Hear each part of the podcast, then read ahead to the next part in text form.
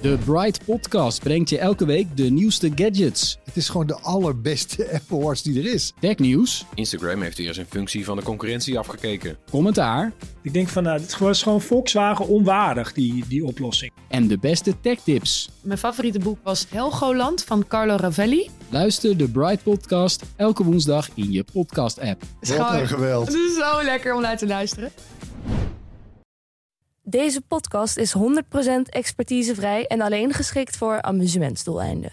De inhoud mag dus niet worden beschouwd als financieel advies.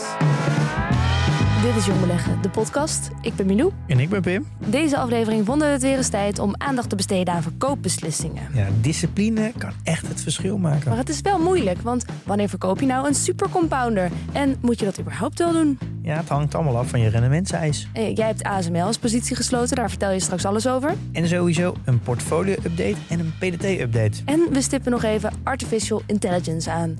Iedereen moet op cursus. Laten we snel beginnen. Ja.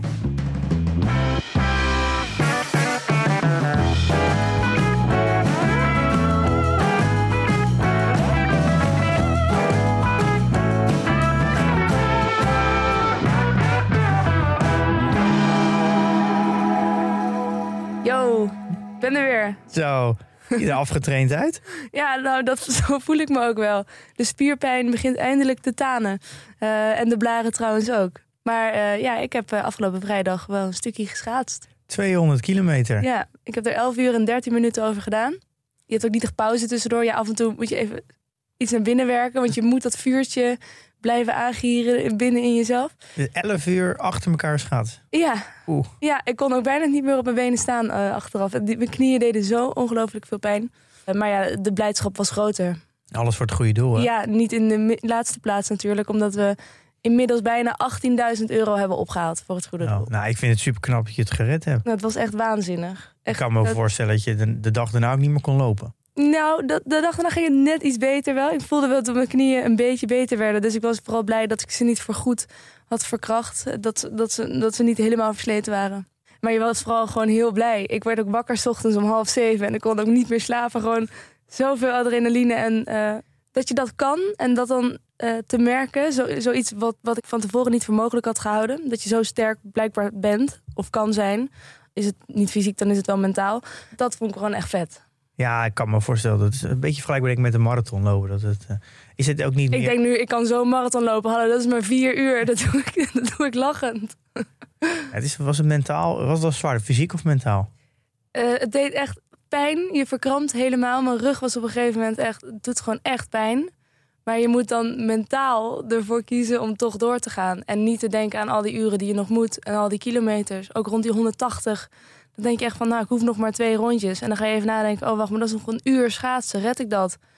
Nou, je moet er gewoon niet over nadenken. Nee. je moet het gewoon doen. En dan kan Ja. het, blijkbaar. Nou, ik vind het echt, echt heel knap dat je het hebt eh, gehaald. Ja, ik, ben Ja. Zelf, ik vind het zelf ook wel... eh, nou goed, ik ben nog- blij dat het erop zit. Je weet nog steeds niet waar je limieten liggen. Ik, ik, kan, ik kan nog verder, ja. Ja. Ik ga het in ieder geval ook wel proberen als het ooit nog een keer in Nederland gebeurt. Dan ga ik nog wel die de Elfstedentocht in Nederland schaatsen. Ja, nee, je zal niet de enige zijn, vermoed ik. Dat denk ik ook niet, nee.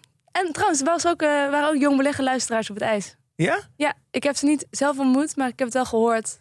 Arjan, die schaatste met een, eh, een groepsgenoot van mij Oh, wat leuk. op. Ja, dus eh, nou, we zijn Overal vertegenwoordigd. Eh, bedankt voor alle steun, jongens. Iedereen die gedoneerd heeft, echt heel veel dank. Wordt heel erg gewaardeerd. Dan door naar het onderwerp. Even een, een aflevering als vanouds tussendoor. Ja, gewoon weer even zoals we hiervoor altijd deden. Het is eigenlijk een, eh, een aflevering die we gaan hebben aan de hand van een topic die gestart is door Arjan in eh, Van de Week. Zou dat Arjan zijn geweest? Nou, dat weet ik niet. Ik denk het niet. Oh. En het gaat over de, de verkoopstrategie van compounders. Geval, dat was zijn, eh, zijn topic. En ja, Ja. ik, je ziet wel een beetje dat het niveau in de community langzaam weer elk, ja, voor elke keer een stapje verder gaat eigenlijk. Dus dat aan, iedereen aan het groeien is. En het, het nadenken over wanneer verkoop ik nou een positie, waar maak ik daar de, de beslissingen op. Dat is, vind ik echt een. Dat kan je aan merken dat mensen weer een stapje verder zijn in, eh, in, in beleggen. Ja, want mensen die net beginnen, die letten vooral op wanneer moet ik het kopen. Ja, je Hè? bent nog met hele andere dingen bezig. Ja. En Ja. soort van de verkoopfase, daar bewust over nadenken, dat geeft alweer aan dat je weer, weer een stapje verder bent. En daar ging het, eh, het onderwerp over. Ja, en ik snap dat ook wel heel goed. Want een compounder, dat, dat, daar gaan we vanuit, dat is natuurlijk een heel goed bedrijf. Dat, dat kun je jarenlang bewaren. Maar waar, wanneer moet je dat dan verkopen? En wil je het überhaupt verkopen? Wat, wat is nou een goed moment? Ja, wel dus dat is natuurlijk een hele, is een hele terechte vraag. En Ja. daar kwam ook wat met voorbeelden. Nou, heel veel mensen reageerden daarop. Het was een, eh, een heel druk, eh, een, een druk topic. Want je hebt ook mensen die het nooit verkopen, toch? Ja, nou, dat is natuurlijk, dat is natuurlijk het. Er is natuurlijk geen één antwoord. Nee. Maar toen dacht ik, ja, uiteindelijk gaat het natuurlijk heel erg over je rendementseis. Dus je ook wel je hurdle rate. Dus ik dacht, nou, dat lijkt me eigenlijk een leuk onderwerp om, om daar eens over te hebben. Ja, Ehm. en rendementseis is dan het, het rendement dat je eist.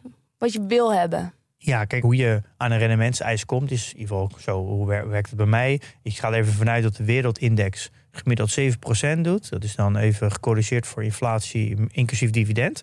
Maar omdat ik dus actief deelneem, wil ik daar eigenlijk wel een soort van iets extra's bovenop hebben. Eh, dus ik ga, ga ervan uit dat ik een rendementseis heb van 10%.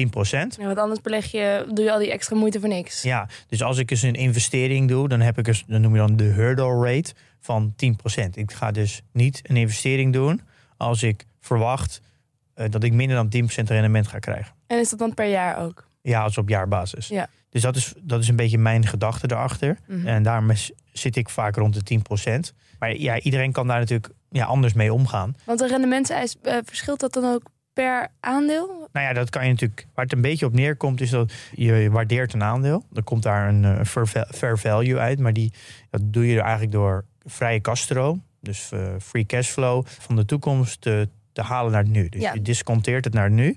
De welbekende DCF-methode. Ja, omdat winsten in de toekomst zijn minder waard dan nu. Dan als je cash nu hebt. Mhm. Omdat je ten eerste het risico hebt dat het niet, niet doorgaat. Dat je de cash niet krijgt. En eh, dat je natuurlijk eh, opportunity cost hebt. Alles geld wat je nu hebt, zou je al rendement over kunnen maken. Ja, als je Dat- het in een beter bedrijf steekt. Ja, of gewoon op eh, in een obligatiestop krijg je Ja. ook al rente. En iets, als je geld in de toekomst krijgt, daar kan je natuurlijk geen rente over krijgen. Ja, zeg maar de gemiste kansen. Ja, Ja. eh, dus je haalt het naar nu, maar tegen welke disconteervoet, dus eigenlijk de, de discount rate, dat is natuurlijk ja, eigenlijk je rendementseis.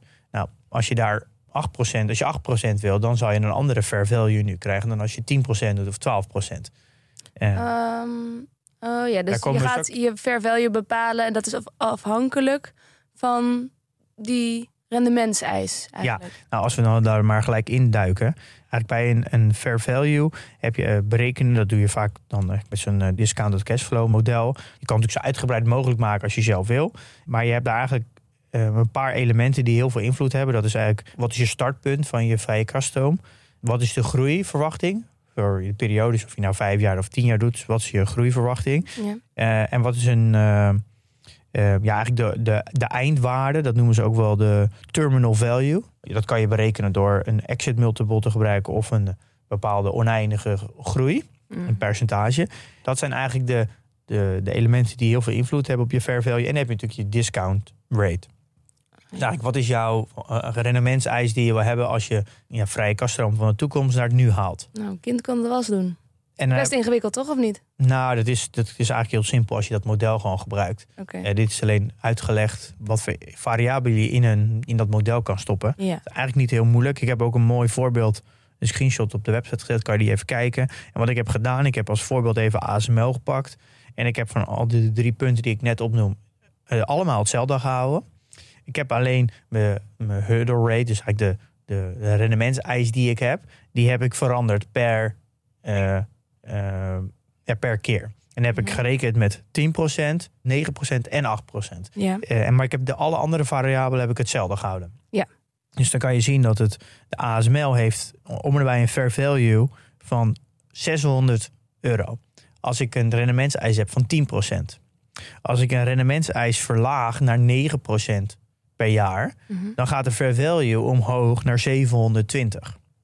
Eh, verlaag ik de rendementseis naar 8%, dan gaat ASML naar 890, de fair value ervan. Dus, Dus die fair value stijgt. ja, dus eigenlijk, dat is eigenlijk logisch. Want als jij minder rendement wil, eist, voor een langere periode op Ja, jaarbasis, dan kun je er meer voor kan je betalen. er nu meer voor betalen. Ja. En dit is een heel belangrijk gegeven als het gaat om waarderen. En daarom gaat deze aflevering over je rendementseis. Er wordt heel vaak gecommuniceerd over wat is je fair value.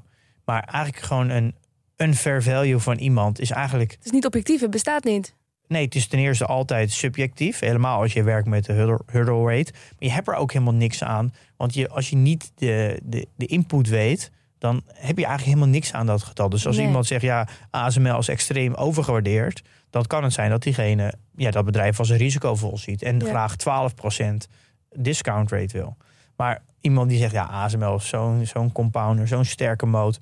Nou, ik wil daar 8% voor. Dan kan je zeggen, ja, ASML is extreem ondergewaardeerd. Dus die Ja. discussie of het ondergewaardeerd of overgewaardeerd is, is natuurlijk eigenlijk heel irrelevant. Ja, want iedereen gebruikt zijn eigen Ja. maatstaven. Ja, dus en dat zie je dus ook heel veel online, is dat, dat er die fair values worden gedeeld, maar dan niet de input ervan.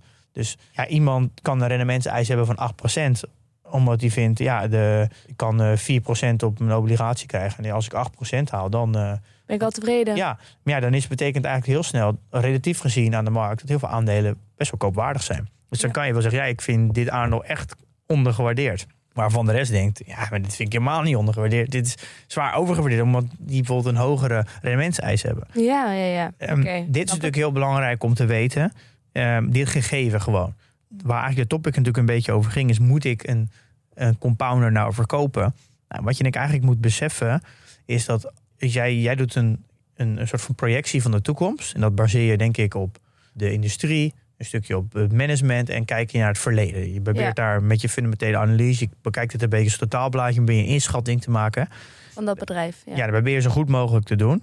Daar moet je dan ook wel ja, een beetje van uitgaan dat dat, dus dat eh, vrij correct is. Want je, ja, je voert dat in. Dan anders moet je werken met scenario's. Dus dan ga je zeggen, nou, ik weet het niet zeker, maar dit is het slechtste scenario, dit is het beste scenario en dit is ongeveer het midden. Dan kan je daar een percentage aan geven. Hm. Eh, dat je met scenario's werkt. Maar in ieder geval, het komt een beetje op hetzelfde neer. Eh, je doet een inschatting en dan heb je daar een rendementseis. Dus als, als jij een rendementseis hebt van 10% en het aandeel komt op de fair value, dan zou je het nog steeds niet hoeven te verkopen. Want dan is het nog steeds je rendement die je gaat maken als je inschatting klopt 10%. Ja. Dus dan kijk je, nou, dat vind ik nog, hoef ik hem eigenlijk niet te verkopen, want 10% Nee. is mijn rendementseis. Eh, en ik had hem aangeschaft met een beetje margin of safety, dus ik heb al een goed rendement. Eh, en ik hou hem eigenlijk nog wel vast. Dus dat zou eh, prima kunnen. Alleen wat ik heel belangrijk is om te weten dat als een aandeel op jouw fair value komt, en ga, of er gaat er zelfs overheen, dan is eigenlijk jouw verwachte rendement die jij hebt ingevoerd, die jij wil, dat jouw eis is, dat die automatisch minder wordt. Een hogere koers dan jouw fair value betekent automatisch dat jouw verwachte rendement in de toekomst minder ja, wordt. Ja, want dat we hebben net uitgelegd hoe Ja, het werkt. En ja. maar dat is dus heel goed om te beseffen. Dus zijn reden, moet ik een compounder verkopen? Ja, dat is natuurlijk aan jezelf. Dat hangt vanaf die afspraak die je met jezelf hebt over het rendement dat je wenst. Ja, kijk, en ik kan me heel goed voorstellen dat je als particuliere belegger niet in en uit wil gaan.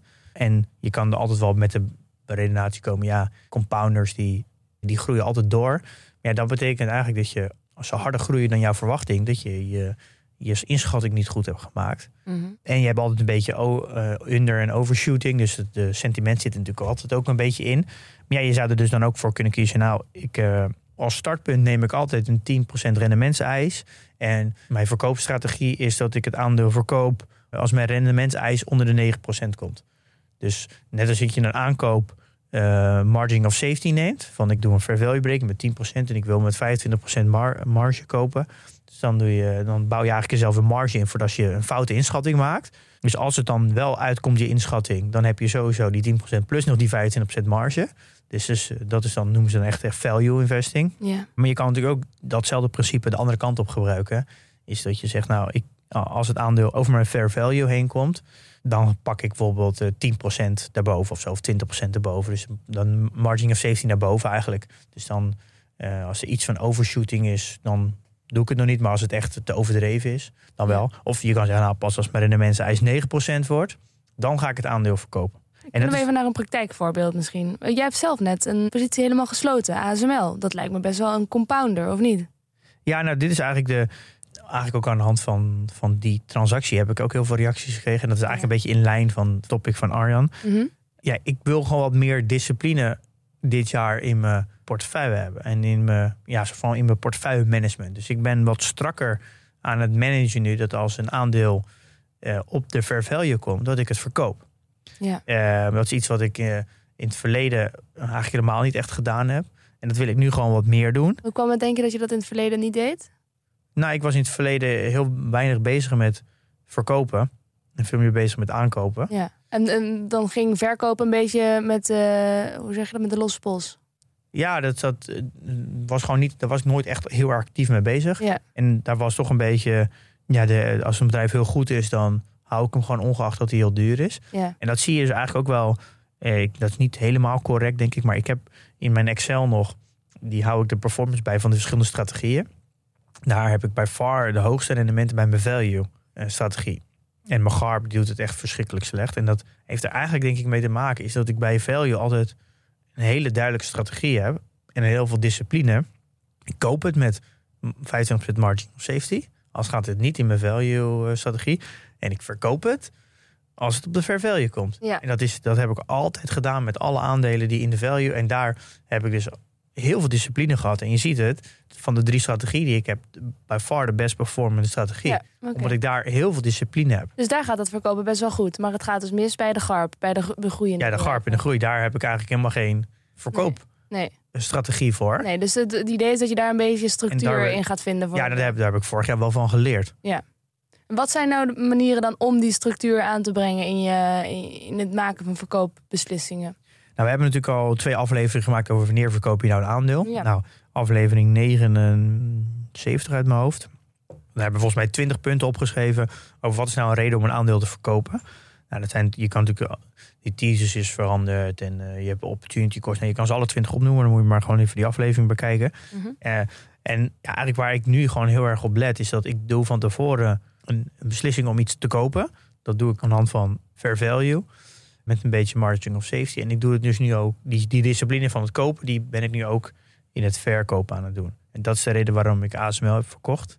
Tikte mij fair value aan. En ik zie op dit moment gewoon eh, nog best wel veel bedrijven die, die kan kopen. Die ook een 10% rendement hebben, maar die, die hebben nog wel een margin of safety. Ja. Dus zo ben ik eigenlijk wat meer discipline in mijn portfolio aan het stoppen. Dat is eigenlijk de reden waarom ik ASML verkocht heb. En Ja. ik had ASML natuurlijk ook wel. Misschien heb ik dat te heftig gaan. Te, te veel van oké, nu is het eh, Oh, ja, 600, dus nu verkoop ik. Want dat heb je gedaan. Ja. Je hebt het, het bereikt dus een fair value. En toen dacht je... verkocht. Ja, ik had misschien natuurlijk ook kunnen zeggen. eh, ik had misschien eh, nou, over 10% over de fair value heen. Dat had ook gekund. Ja, maar hoe beslis je nou wat het beste is om te doen dan? Heb je spijt? Nou, nee, geen spijt van. Maar, Maar je, nou, niks. Maar maar je had het later willen verkopen. ik ben gewoon nog een beetje naar, naar op zoek. Hoe ga ik daar echt mee om? Maar ik, Ja. ik voel me heel comfortabel bij die discipline. Eh, en dat merk ik gewoon dat nu ben nu drie jaar aan beleggen. En de value strategie heeft het hoogste eh, rendement van alle drie de strategieën. Gewoon omdat ik daar wel Ja. met die discipline omga. En ik heb daar bijvoorbeeld recent Ahold teruggekocht. En daar gaan we het zo nog over hebben. Die had ik negen maanden geleden verkocht. Maar die tikte toen mijn fair value aan. Ja. Die heb ik toen verkocht. Nu is het aandeel ondertussen wat gezakt. Maar ondertussen is de fair value ook omhoog bijgesteld. Want het is natuurlijk wel elk jaar dat een bedrijf gewoon het waar maakt... wordt het in principe natuurlijk elke keer weer meer waard. Mhm. Want ja, ze zijn gegroeid. Dus als je dus weer opnieuw gaat waarderen... dus je gaat opnieuw je waardering bijstellen... dan is het vaak zo dat, je, dat de fair value elk jaar omhoog gaat. ja, in plaats van naar beneden. Ja, dus als ik in negen maanden tijd... is het aandeel dus meer waard geworden... Maar de Eh, koers is gezakt. En de koers is gezakt. Dus uiteindelijk is weer een groter gat aan het ontstaan. Dus ik ben weer ingestapt. Ja. En dat is weer dis- de discipline eigenlijk die ik bij Value heel erg heb. Snap ik. Daarom kan je prima een, een aandeel verkopen.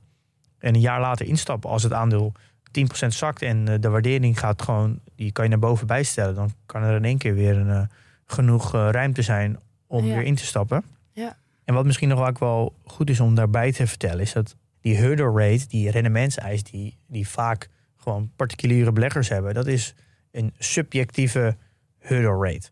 Eh, Als in je bepaalt hem zelf. ja, dat is je helemaal nergens op gebaseerd. Het is gewoon heel puur wat jij zelf wil. En daardoor komt, is de fair value eigenlijk van een aandeel ook voor jou persoonlijk. Eh, maar dat sowieso werkt de industrie niet.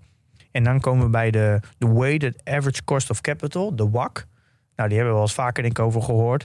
Die wordt gebruikt om eh, fair values te berekenen door de industrie. Oké. En waarom die wordt gebruikt is omdat het een objectieve soort van rendementseis is.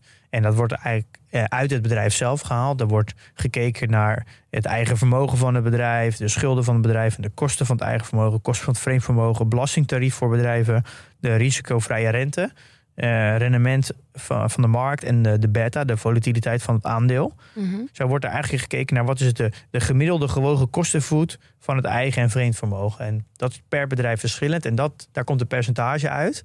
En je kan het zelf uitrekenen, maar je kan ook gewoon websites. Als je gewoon eh typt de ASML WAK, dan krijg je daar gewoon eh, de WAK uit. Mhm. Die is per bedrijf anders. Dus dat is een objectieve eh, vorm van een, een disconteervoet. Het kan dus zomaar zijn dat een bedrijf een, een disconteervoet heeft van 7%. Dus dan is er automatisch, als dus de industrie koersdoelen gaat afgeven... en die maakt gebruik van een WAK van 7%... dan betekent automatisch dat al die fair values natuurlijk heel hoog liggen. Als jij hetzelfde bedrijf gaat waarderen, je doet 10%... ja, dan, is, dan komt jouw fair value natuurlijk bij far niet in de buurt Nee. bij het koersdoel. Ja, die is dan veel lager. Ja, dus dat, dit is ook goed om te weten. Ja. Want dan begrijp je ook dat al die koersdoelen, waarom die al die koersdoelen al zo idioot hoog liggen. En waar je eigenlijk helemaal niks aan hebt. Want als je niet weet wat voor rendementseis erin zit, Ja. heb je er ook eigenlijk helemaal niks aan. Ja. Dit is wel echt heel goed om te weten. En Mees heeft hier een tijdje geleden twee video's over gemaakt. Hoe kies je nou een discount rate? En eigenlijk op een gestructureerde wijze een aandeel verkopen. Het zijn twee video's. Ik denk dat het goed is om deze nog eens te kijken. Eh Nees legt dat heel goed uit. En legt ook heel goed de, de dilemma's of de situaties uit die je kan toepassen als je een aandeel wil verkopen. Dus Ja. ik zou aanraden, staan ook op de show notes. kan je zo doorklikken naar YouTube. En dus met beeld, hè, jongens. Dat is een voordeel. Ja, met een eh, Excel, dus dan wordt het uitgelegd. Ja, En ik denk, dit is wel heel, heel goed om te weten eh, hoe, die, hoe deze dynamieken werken. ja, En er is dus niet een goed of fout. Kijk, iedereen doet het anders. Ja. Ik hoor dus ook mensen zeggen, nou, ik doe bijvoorbeeld voor een veilig aandeel doe ik een discount rate van 8%, rendementseis van 8%. Voor gewoon eh, een beetje stabiele bedrijven 10 en voor groeibedrijven 12. Op die manier bouw je natuurlijk eigenlijk al een soort van margin of safety in. Mhm. Want als de onzekerheid hoog is, dan verwacht je een hoger rendement, waardoor automatisch de fair value naar beneden gaat. Ja. Dus je kan er zo mee omgaan. ja. Want dat dacht ik ook nog. Want in zo'n rendementseis, daar, daar moet je... Ik kan me voorstellen dat je dan ook rekening moet houden met hoeveel risico je loopt om het Ja, kwijt te raken. Of ja. dat je misschien wel veel hoger, dat het veel hoger uitvalt bij risicovolle Ja, investeringen. nou, dat is dus een goed punt. Maar dat, dat zou een mogelijkheid kunnen zijn. Maar dat betekent niet dat dat de mogelijkheid of de, de enige mogelijkheid is. Nee. Dat is natuurlijk een hele mooie. Dat is een, ik denk dat je dat heel makkelijk structuur voor jezelf kan, aan, van kan creëren. Maar je kan ook weer zeggen, als belegger wil ik gewoon 10%. Ongeacht wat, Ja. wat de rest van de markt doet. Ik wil beleggen makkelijk maken en simpel. Ik wil gewoon 10%. En welk aandeel ik ook koop, ik wil gewoon altijd 10%. Of het nou een groeiaandeel of een... eh, of een, dus zo kan je er ook naar kijken. En ik kan Ja. ook zeggen, door mijn fundamentele analyse eh, filter ik eigenlijk alle risico's eruit. Dus Mhm. als, ik, als, ieder, als een bedrijf eenmaal door mijn fundamentele filter heen komt, Dan zouden ze in principe al Dan die heb ik eigenlijk het risico- rekening mee ja, gehouden. dus dan is gewoon, dan behandel ik gewoon elk aandeel hetzelfde. Ik wil gewoon 10% rendementseis. Ja. En dan kan je weer zeggen, ja, volatiliteit eh, kan een risico zijn, maar dat is ook een beetje hoe je weer naar volatiliteit kijkt. Zie je dat echt als een risico als je een lang horizon hebt? Of is het je beste vriend? Ja, dus je kan, maar je kan ook weer spelen met de allocatie. Van nou, oké, dit is misschien wel een, een volatieler bedrijf. Misschien ook wel iets hoger risico, maar je kan je weer spelen met je allocatie. Dus je zegt nou, dan doe ik het nooit meer dan 3% Ja. per positie. Dan ben je ook weer aan risicomanagement aan het toepassen. Doe jij Ja. dat ook of niet? Ja, ik ben wel bewuster met, met de allocatie. En dat is ook wel een van de reden waarom ik ASML verkocht heb. Is dat ASML was de grootste positie, 10%. Oh ja. Eh, dus een aandeel dat 10% doet, eh, die al over mijn fair value heen zit. Dat, dat is ook wel iets goed om te realiseren. Dat, dat merk ik nu erg. En dat, dat heb ik eigenlijk nu weer een- toch niet helemaal goed gedaan. Proces heb ik verkleind. Was, eerst was ASML mijn grootste positie, 10%. Ja. En dan vaak is het de grootste positie als het over je fair value heen zit. Want ja, een aandeel stijgt hard, Mhm. Gaat daardoor over de fair value heen. Is daar vaak ook je grootste positie. Dus dan krijg je vaak een situatie dat degene met de minste korting, waar de kans naar beneden, dat hij weer een soort van terugje naar beneden valt, aanzienlijk groot is, Ja. je grootste positie is. Dus die discipline is ook vooral voor om eh, af, te, af te romen of je positie te verkopen als het op de verveul komt, omdat het vaak je grootste positie is. Ja. En dat heb ik bij ASML helemaal verkocht. Ik heb Prozus gehalveerd, want die was daarna de grootste geworden. Die was hard gestegen, Ja, 80% sinds eh, oktober. Nu is Adyen mijn grootste positie geworden. Die is hard gestegen. Nou, toevallig vandaag eh, krijgt het echt een, een flinke knauw, 15% naar beneden. Vandaag is woensdag voor ons. Ja. Ja, en die zat eigenlijk al op mijn fair value. heb ik dus niet, niet mijn discipline toegepast. Maar de- ik krijg dus vandaag echt in mijn, een knauw in mijn portefeuille. Omdat het namelijk ook nog eens mijn grootste positie is. Ja. En dit is, daar gaat eigenlijk die discipline over. Is dat Adyen dan ook op zijn fair value, of niet? ja, Ah. maar dit- dat is een beetje het probleem nu voor mij. Ik ben zo soort van contra gegaan sinds eh, een beetje eind vorig jaar, begin januari. Dat ik eh, had toen ook al gezegd dat als de aandelen flink omhoog schieten, dan gaan, gaat gewoon 50% van mijn portefeuille over fair value heen. Nou, dat is dus nu ook gebeurd. Dus daarom ben ik eigenlijk ook veel meer aan het handelen nu. Eh, eigenlijk misschien zelfs nog te weinig als ik me volledig aan mijn eigen regels hou. Mhm. Dus, als je, dus je moet wel een soort van actief portefeuille-management hebben. Want je, je risico wordt gewoon, wordt gewoon te groot in je portefeuille als aandelen hard stijgen en over een Ja. fair value heen gaan. Dan wordt eigenlijk het risico in je portefeuille steeds groter. Ja. Omdat je eigenlijk je margin of safety op je grootste posities verdwijnt gewoon. Precies. Ik denk dat dit goed is om, eh, om dit hele verhaal een beetje te begrijpen. Ja. En je hebt natuurlijk ook nog zoiets als eh, opportunity cost. En daar hebben we het eigenlijk ook helemaal niet over gehad. Ehm, Ja, dat waren de, de gemiste kansen. Dus het geld dat je belegt in, een, in het ene bedrijf kun je niet in een ander. nou, kijk, als er, als er een markt is wat, waar, je gewoon heel veel, waar heel veel kansen zijn en een aandeel komt op jouw fair value, ja, kan je makkelijker afscheid nemen van dat bedrijf. Omdat je namelijk een ander bedrijf, eh, omdat er genoeg andere bedrijven te vinden zijn die ook sterk zijn, waar je ook een 10% rendement uit kan halen, maar wel met een margin of safety van 25%. Maar dat is in sommige markten moeilijk. Bijvoorbeeld in 2021 was het heel moeilijk.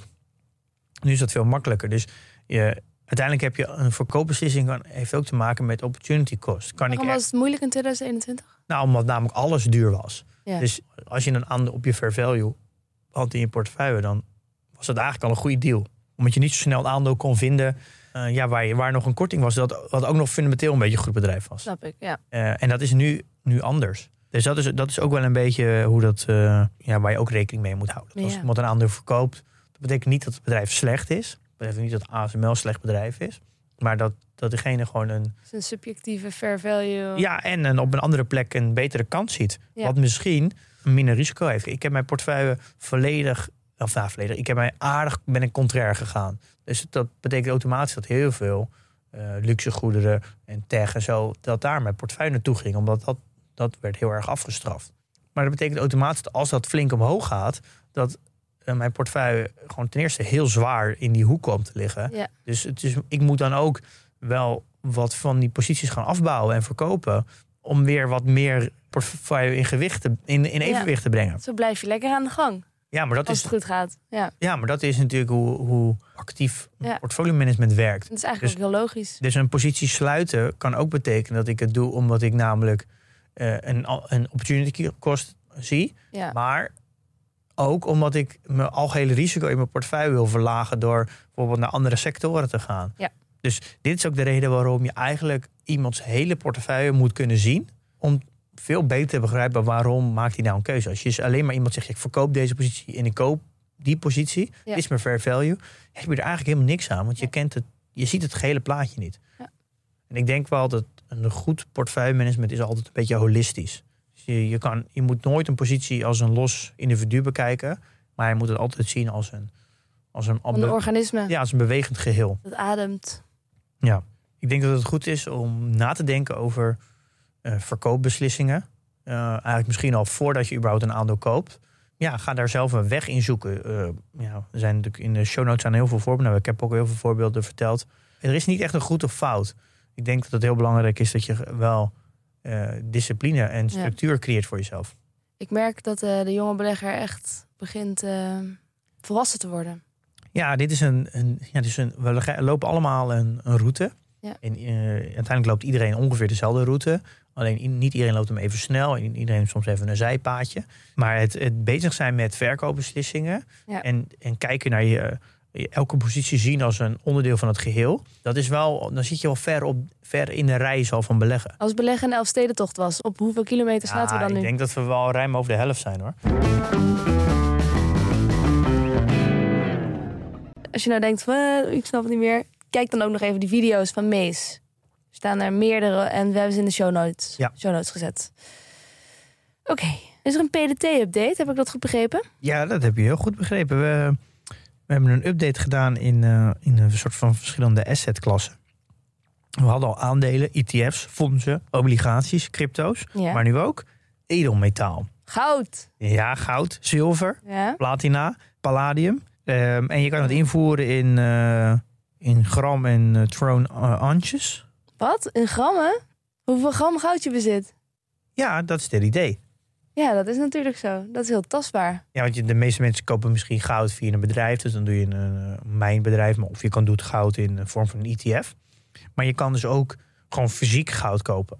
Er Ja. zijn heel veel diensten voor. Uh, Ah, Gold, zo. Gold ja. Republic is volgens mij een van de, de bekendste in Nederland. Mhm. En wat je dan eigenlijk... Je koopt dan gewoon een x ja, gewicht aan goud. En dan kan je ervoor kiezen om het dan door dat bedrijf te laten stallen. Dus dan ligt daar gewoon heel veel goud in de kluis. En dan weten, schrijven ze gewoon op, nou, zoveel gram is van jou. Mhm. Of je kan het gewoon thuis opslaan in je, een blokje. ja, de Ja. goud- goudstaaf in je, in je kluis. Heb je wel eens zilver vast gehad? Nee. Dat is heel zwaar. Oh, nee. Dat is veel zwaarder nog dan goud ook. Dat, Ja? dat, dat is een heel gekke ervaring, vond ik, om zilver. Oh. Een blokje. Nou ja, maar dat, eh, ja, dat is dus blijkbaar veel mensen hebben dit. Ik heb het even eh, toen via Instagram een polletje gedaan. 26% van de beleggers die doen daar iets mee. En het was toch onder 2000 stemmers. Dus ja, ik weet niet of het nou heel representatief is, maar het zegt wel genoeg. Er wordt ook heel veel gebruikt eh, in PDT nu. En het fijne is dat je gewoon een gewicht invoert. En wij halen de actuele prijzen op. Waardoor je dus altijd elke dag precies weet wat jouw klompje goud waard is. Ja. En dat is natuurlijk ook- een onderdeel van je portefeuille. Dus jullie zijn eerst even gaan kijken van, is er behoefte aan eh, deze feature? Ehm, op Instagram heb je even een polletje Ja. geplaatst. En als dat dan is, dan ga je dat ook bouwen. Is het zo gegaan? Ja. Oh. Ja, maar ja, je moet wel iets bij. Ja, ik heb, maak er zelf geen gebruik van, maar eh, dat zal de eerste maatstaf voor mezelf. Van, eh, als ik het zelf gebruik, dan wil ik het natuurlijk sowieso in PDT hebben. Ja. Eh, maar ik maak niet, niet van alles gebruik. Dus dan check ik altijd even of mensen dit wel willen. Ja. En er zijn ook eh, bijvoorbeeld Twan van één ge- gewoon één belegger. Die heeft zijn portefeuille ook openstaan. Die heeft gelijk alles ingevoerd. Dus ik zie gelijk een voorbeeld hoe het eruit ziet. Dus dan kan je die, kan je die bekijken. Dus we zijn heel, weer heel blij met deze update. En nu uiteindelijk wil ik alles erin hebben. Dus dit is weer een stapje dichterbij. Want ik wil gewoon 100% dekking hebben. Dus eh, de volgende stap is denk ik opties. Die zijn nog open. Maar dan krijg je al die hefboomproducten nog, derivaten, turbo's en sprinters. Die moeten auto ook nog inkomen. En dan heb je denk ik ook nog, eh, nog misschien iets van crowdfunding investeringen, start-up investeringen. En misschien vastgoed. Dan hebben we de hele full shebang te pakken. Ja. Elke keer weer een stapje beter. ja. Het is ook een reis, hè? Natuurlijk. Ja, Mooi. Leuk. ja ik ben heel blij mee weer met deze update. Kan ik mijn, eh, mijn gouden kettingje er ook eh, invoeren? Of Als jij het ziet als een, eh, een investering, dan kan dan moet je hem even wegen en dan kan je hem invoeren. Ik heb wel wat kunst thuis. Dat zou je ook kunnen zien als een, een belegging. Ja, dat zou kunnen. Het een soort, dat noemen we dan een beetje passion investing. Die zijn wat lastiger. Die kan je wel invoeren. Alleen het, het probleem is, het heeft geen actuele koers. Mhm. En dus je zou dat wel kunnen Ja. invoeren. Maar het idee van een, een tracker van je portfolio is dat je natuurlijk constant een soort van elke, nu, in ieder geval elke dag een meetmoment hebt. Ja. Van wat is het waard? Mhm. En dat heb ik Dan kan je nu een grafiek mijn, maken hè, om Ja. te laten zien wat je portfoliowaarde is. Ja. Maar kunst, ja, je hebt vaak maar twee meetmomenten. En dat is het moment van Kopen en, Kopen en en verkopen. verkopen. Wat de gek ervoor geeft in de toekomst. Ja, Ja, dus dan zou je het eigenlijk verkopen. tussentijds moeten laten taxeren elke keer. Ja, nou ja, jongens, er zijn grenzen. Ja. Ja, dus dat, en met huizen zou dat wel kunnen, want dan zou je eventueel de WOZ-waarde kunnen doen of zo. Oh ja. Eh, dus heb je in ieder geval een jaar, elk jaar een meetmoment. Ja. Zo, zo, zo kijken we er wel een beetje naar. Dat er, je wil wel iets van meetmoment hebben Ja. met een bepaalde interval. Ik snap hem, ja. En dan is er nog eh, werken in de aanbieding, hè? Ja, onze vrienden van eh, IEX Media. Heb jij mij- vrienden daar?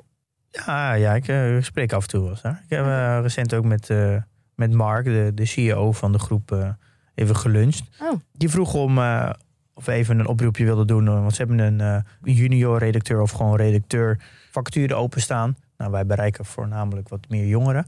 Dus hij vroeg of ik even een oproepje wilde doen voor iemand die eh, van twee liefdes wil combineren. tussen beleggen en schrijven. Je hoeft geen beleggingsexpert te zijn, maar een beetje affiniteit met beleggen is wel fijn. Ook voor Eh, jezelf, ja. Ja, Want wat eh, voor platform is het ook weer precies? IE? eh, ja, het, is, het gaat om de IEX eh, groep eigenlijk. De IEX Media vallen volgens mij eh, een stuk of eh, tien websites onder. Ah. Nieuwsbrieven, magazine. Oh ja, Het is een heel... eh, een nieuwsmedium. Ja, maar dan op beleggen, ja. Ja. Volgens mij gaat het ook over een rol die over alle, alle onderdelen gaat. Dus eh, Nou, leuke kans om je inderdaad gewoon bezig te houden eh, met beleggen ook op een andere manier. Dat geeft vast weer een heleboel nieuwe dus je- inzichten. ja, dus als je daar interesse in hebt, eh, ik heb een linkje naar de vacature op de website gezet. Ja.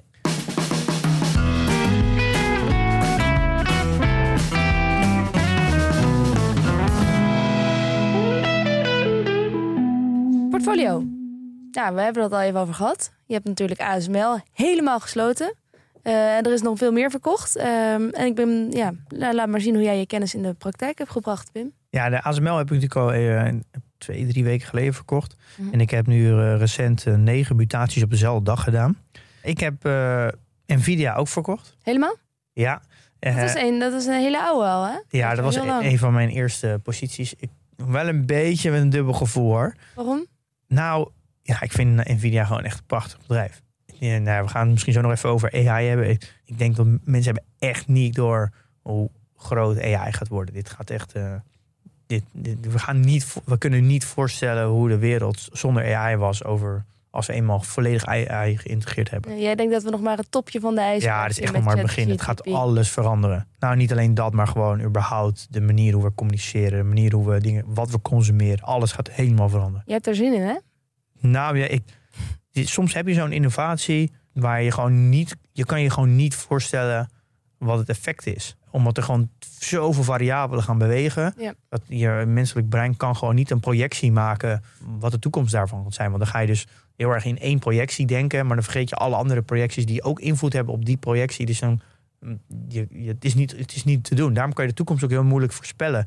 Omdat er te veel variabelen zijn die op elkaar invloed hebben. Ja. En Nvidia is, is wel een bedrijf dat onwijs goed gepositioneerd, gepositioneerd is in die hoek. Maar ja, discipline, je weet het toch? Ja, ik heb over gehoord. En ik heb wel, wel gedacht bij, toen ik ASML verkocht op Fair Value, dacht ik, ja, is misschien, ik, ik, goed, ik, geef iets meer slack aan, aan Nvidia.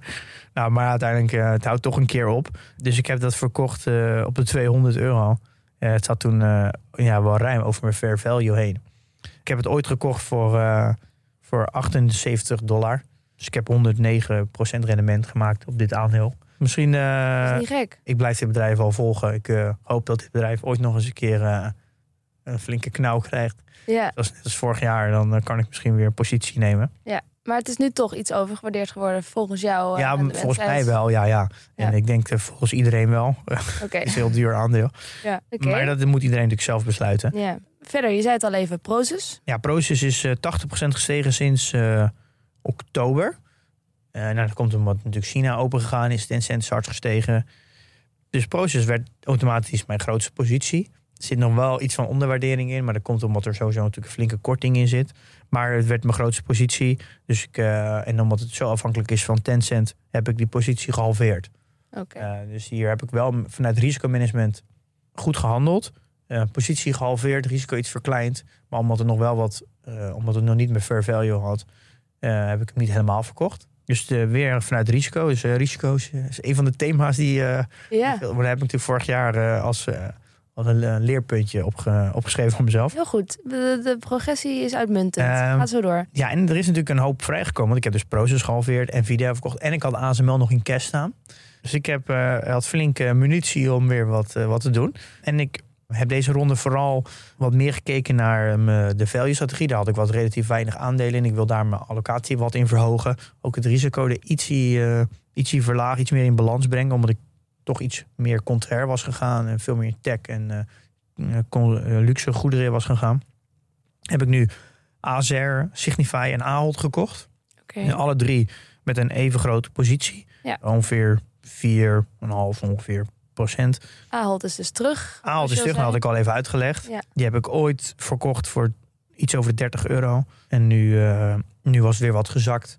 Eh, en ondertussen was de uh, vervel iets opgelopen. Dus het was voor mij weer ruimte om eh, dit aandeel eh, in portefeuille te nemen. En ik heb een oude bekende teruggenomen, Nog één. CrowdStrike. Oh ja. En dus eh, van, eh, volgens mij verkocht in eh, eh, eind 2021. Die heb ik verkocht. Nou, dat is volgens mij mijn allerbeste timing ooit. Verkocht voor 273. Nou, dat was echt, de piek was volgens mij 276. Nou, dus eh, een heel gelukkig moment heb ik die verkocht. Al heb ik dat geld toen daarna in Shopify gestopt. Dus de, de, aankoop, de verkoop is nog goed, maar de aankoop was heel slecht. En ik heb nu eh CrowdStrike teruggekocht voor eh, eh, 105. Dus ja, weer eh, de, toch een, een vrij kleine positie hoor. Eh, Qua risico met volgens mij 3,5 procent Ja. in, eh, in mijn groeistrategie. en eigenlijk door het sluiten van ASML en Nvidia heb ik eigenlijk mijn exposure naar de semiconductors volledig gesloten. Maar dat is wel graag waar ik wel een beetje blootstelling aan wil hebben. En eigenlijk sinds Buffett Taiwan Semiconductor heeft gekocht, ben ik het wat nauwer gaan volgen. Mhm. En daar zit, ja, dat is gewoon een stuk lager gewaardeerd dan de meeste semiconductorbedrijven. Ik weet dat er een groot geopolitiek risico aan zit. Natuurlijk met China Ja. en eh, Amerika en Taiwan. Die wil, Dat begint steeds heter te worden. ja, Ja. eh, maar ja, dat is het ook wel, zit ook wel terug in de koers. Ja. De waardering is daardoor ook lager. En ik heb ook een hele kleine allocatie gedaan. Ook met, dit, met deze reden, omdat het risico aanzienlijk is. Ja. Alleen het, ja, het is gewoon wel een. Ja, als dit, als dit bedrijf in Amerika gewaardeerd zou worden, dan eh, eh, had het naar mij had het de, dubbele waardering inzet gehad. Het is gewoon een van de meest belangrijke bedrijven in de wereld als het gaat om chips. Ja. En het- ja, ook niet heel gek dat natuurlijk de, de grootste klant van ASML, eh Taiwan Semiconductors. Nee, oké. Ja, ja, ja, ik snap hem. En, Eh, en verder nog iets? Ja, en ik heb een klein stukje van mijn All World ETF weer verkleind. Of een klein stukje weggehaald. En dat heb ik verplaatst aan een andere ETF. De European Property Yield ETF. Hey. Ehm, en dat is eigenlijk een beetje zo'n eh, cyclische play. We hebben dat natuurlijk met die sectorrotatie eh, al een keer over gehad. En ehm, ja, dit, is dan, dit, gaat, ja, dit gaat eigenlijk over properties. Dus ja, vastgoed. Mhm. Allerlei soorten vastgoed in Europa. Ja, Die dat, zijn nu goedkoop. ja, die zijn ja, ja, relatief aan het verleden ook heel erg goedkoop. Ja. Heeft vooral te maken natuurlijk ook met de, de rentestijgingen. Ja. Dus die heb ik eigenlijk toegevoegd in, eh, in, mijn, strategie, in mijn cyclische strategie. Leuk. Samen met Flattex de Giro, die daar ook in zit. Oh ja. Ook een vrij klein percentage hoor. Maar de, ja, dit is eh, wat ik geleerd heb over die sectorrotatie een klein beetje in de praktijk toepassen. Hm. Zo, dit was eigenlijk mijn, dit was mijn badge eigenlijk voor, Oh, eh, eh, voor de vorige week. Ik handel eigenlijk toch bewust meer dan ik had van tevoren had verwacht. Al merk ik eigenlijk dat, dat het soort van het niet handelen, veel handelen of niet veel handelen eigenlijk niet echt een soort van metric is. Uiteindelijk heb, wil ik discipline erin en En je wou ook een beetje meer richting het contraire gaan natuurlijk. Het cyclische. Ja, en Ja, als, ja, als ik meer discipline in mijn portefeuille en meer vanuit risicomanagement, dan weet ik eigenlijk, dan is de conclusie gewoon als de beurs be- veel beweegt, beweeg ik ook veel mee. Als de beurs heel lang vlak blijft, dan doe ik eigenlijk niks. Kijk, als de beurs 6% omhoog gaat en ondertussen groeien die bedrijven gewoon door binnen de verwachting, dan is de kans alleen maar groter dat alle aandelen die ik bezit relatief goedkoper worden omdat het ze harder groeien dan dat de koers stijgt. Waardoor ze goedkoper worden. Dat ik eigenlijk niks hoef te doen. Dan moet ik gewoon wachten. Ja. Maar als de koersen natuurlijk veel harder stijgen dan de winsten. ehm, ja, dan kom je op een punt dat je... Ja, dat je dan eigenlijk... Ja, moet je discipline gaan, eh, gaan toepassen. En dan moet je gaan handelen. Ehm, dus uiteindelijk is mijn gedrag heel erg afhankelijk wat de beurs doet, merk ik nu. Dus Ja. van, het, ik wil meer of minder doen. Is eigenlijk niet echt een... eh, eigenlijk is het sterker nog, als de beurzen zakken, hoef je eigenlijk niks te doen. Want dan, als je toch goede bedrijven hebt, dan heb je ook geen reden om ze te verkopen. Stijgen de koersen hard, dan heb je eigenlijk meer te doen, merk ik nu. Zo is dat. Daarom heb ik vorig jaar relatief weinig gedaan. Want ja, de, Ja. De, ja, de bedrijven waren gewoon, er zat goede korting in, er was niks veranderd aan het bedrijf. En nu gaan de beurzen hard omhoog, nu moet ik wat meer doen. Je verklaring is zo kort. Ja, oké, fijn.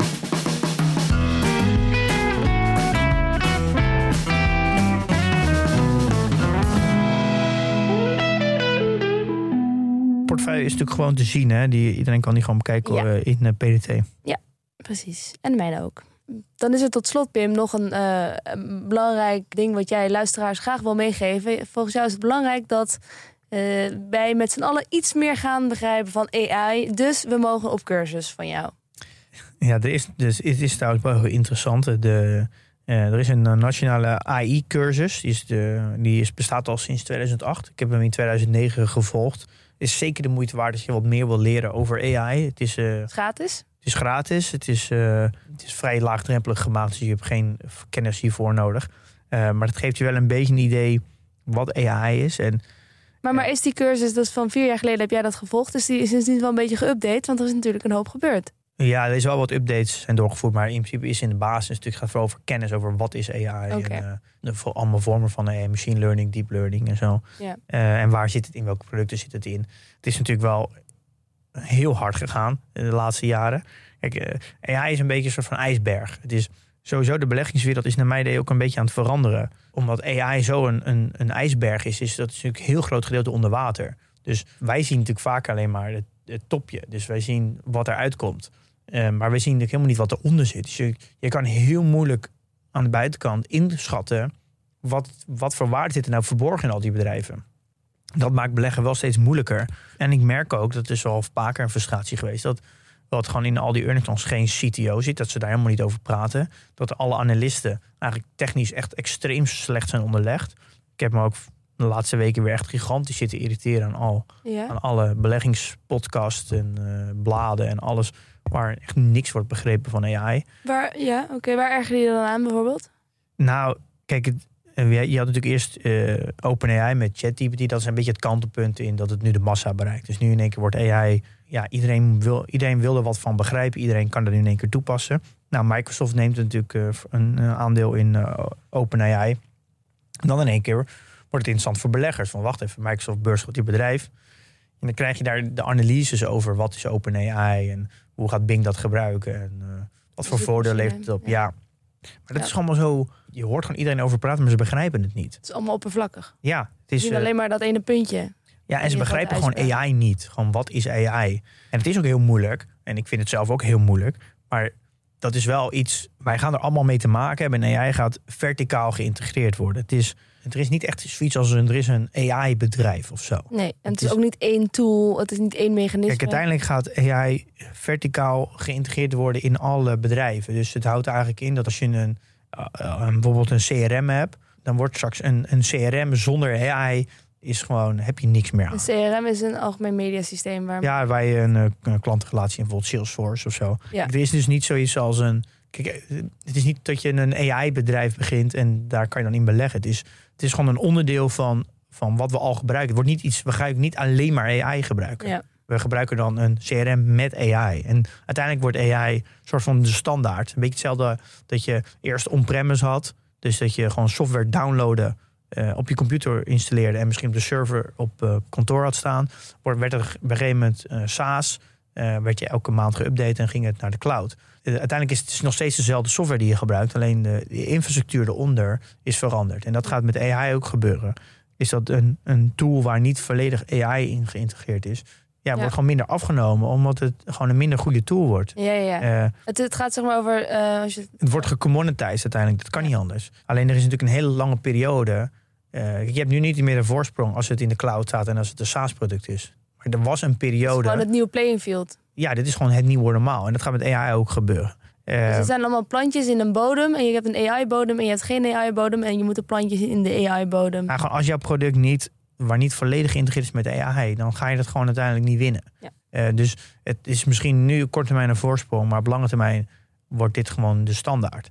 En er zit natuurlijk een hele industrie omheen om dat de standaard te maken. En eh, waarvan natuurlijk de grote jongens, ja, de, de Meta, de, de AWS, de Azure's en zo, die, die gaan natuurlijk de infrastructuur leggen om het makkelijk te maken, zodat elk ander product straks AI kan integreren. Mhm.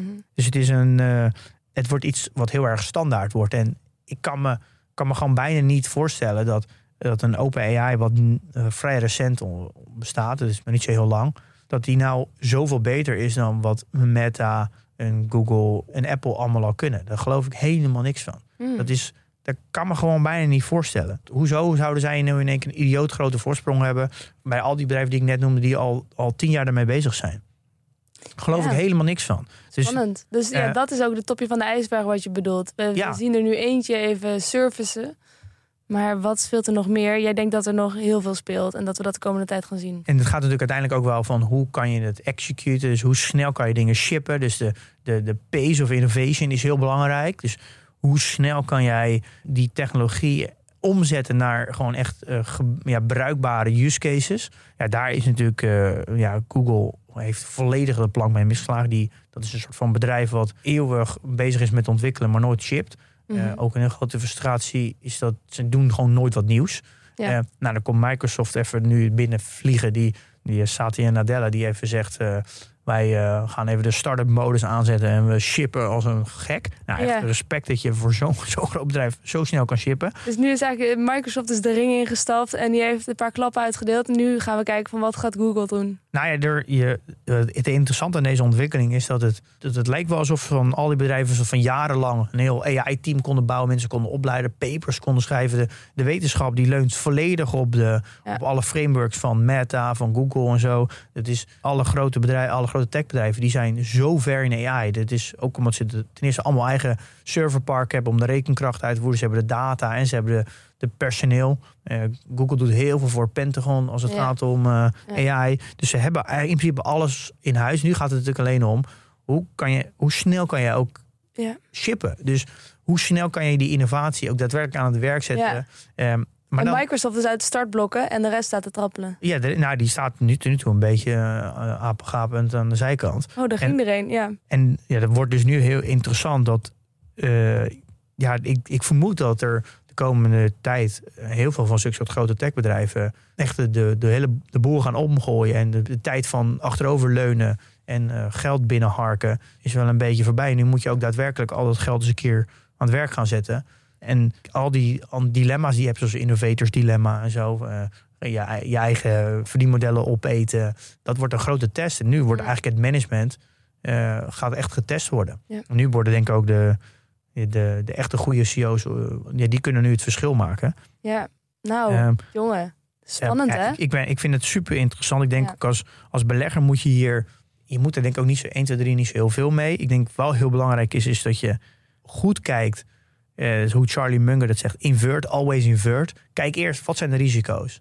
Dus bekijk van alle bedrijven die je bezit... wat is het risico van AI? Want de kans is heel groot dat de risico's als eerste in de beursgenoteerde bedrijven zichtbaar zijn. Ja. En dat, het, dat je er nog niet echt in kan beleggen. Want de bedrijven die, die vaak heel snel groeien, die, die, die, die snel eh, innoveren, snel ontwikkelen, die zijn vaak niet beursgenoteerd nog. Dus vaak zit eigenlijk van een innovatiegolf, zit eigenlijk voor jou als belegger eerst instantie in dat je er naar de risico's moet kijken. En pas later naar de kansen. En je bent heel snel geneigd om eerst naar de kansen te kijken en dan naar de bedreigingen. Want je merkt nu al heel veel om je heen. Ja, ik wil in AI beleggen. Maar ik denk dat Ja, dat niet dat een doen? hele goede instelling is. Nee, nee. Ik denk, laten we de kracht even bundelen. Dit is toch eh, echt bij uitstek een onderwerp voor de community. Om even over te praten van wat, wat, wat zijn de risico's van de bedrijven. Dat kunnen we toch met elkaar analyseren? Ja, maar het is best wel. Het is wel. eh, het is best moeilijk hoor. Want je. Daarom juist. Ja, ik, ik wil graag. Ik ben, ik ben erover nadenken om een. eh, of ik een groep mensen kan verzamelen. Van allerlei invalshoeken. Een eh, data-engineer, een, een cloud ops. eh, misschien een, eh, een onderzoeker. Een hele groep mensen die. Iets, iemand die verstand heeft van hardware.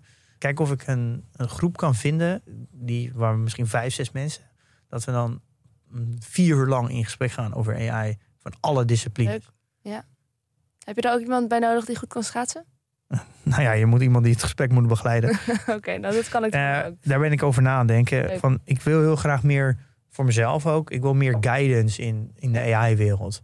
Maar dan wel vanuit een beleggersperspectief. En die combinatie is zo moeilijk. Er is gewoon bijna niemand te vinden die verstand heeft van beleggen en van de AI.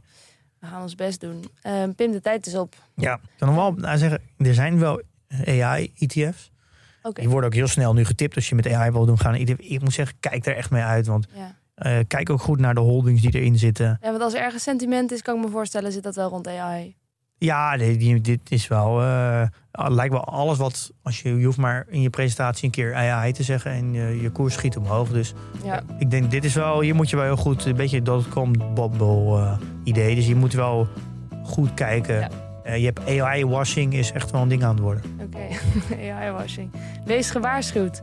Goed, eh, die nemen we mee. Volgende week zijn we niet, maar die week erop er weer wel. Eh, ja, klopt. Eh, en in de tussentijd, jongens, investeer in je kennis en beleg met beleid.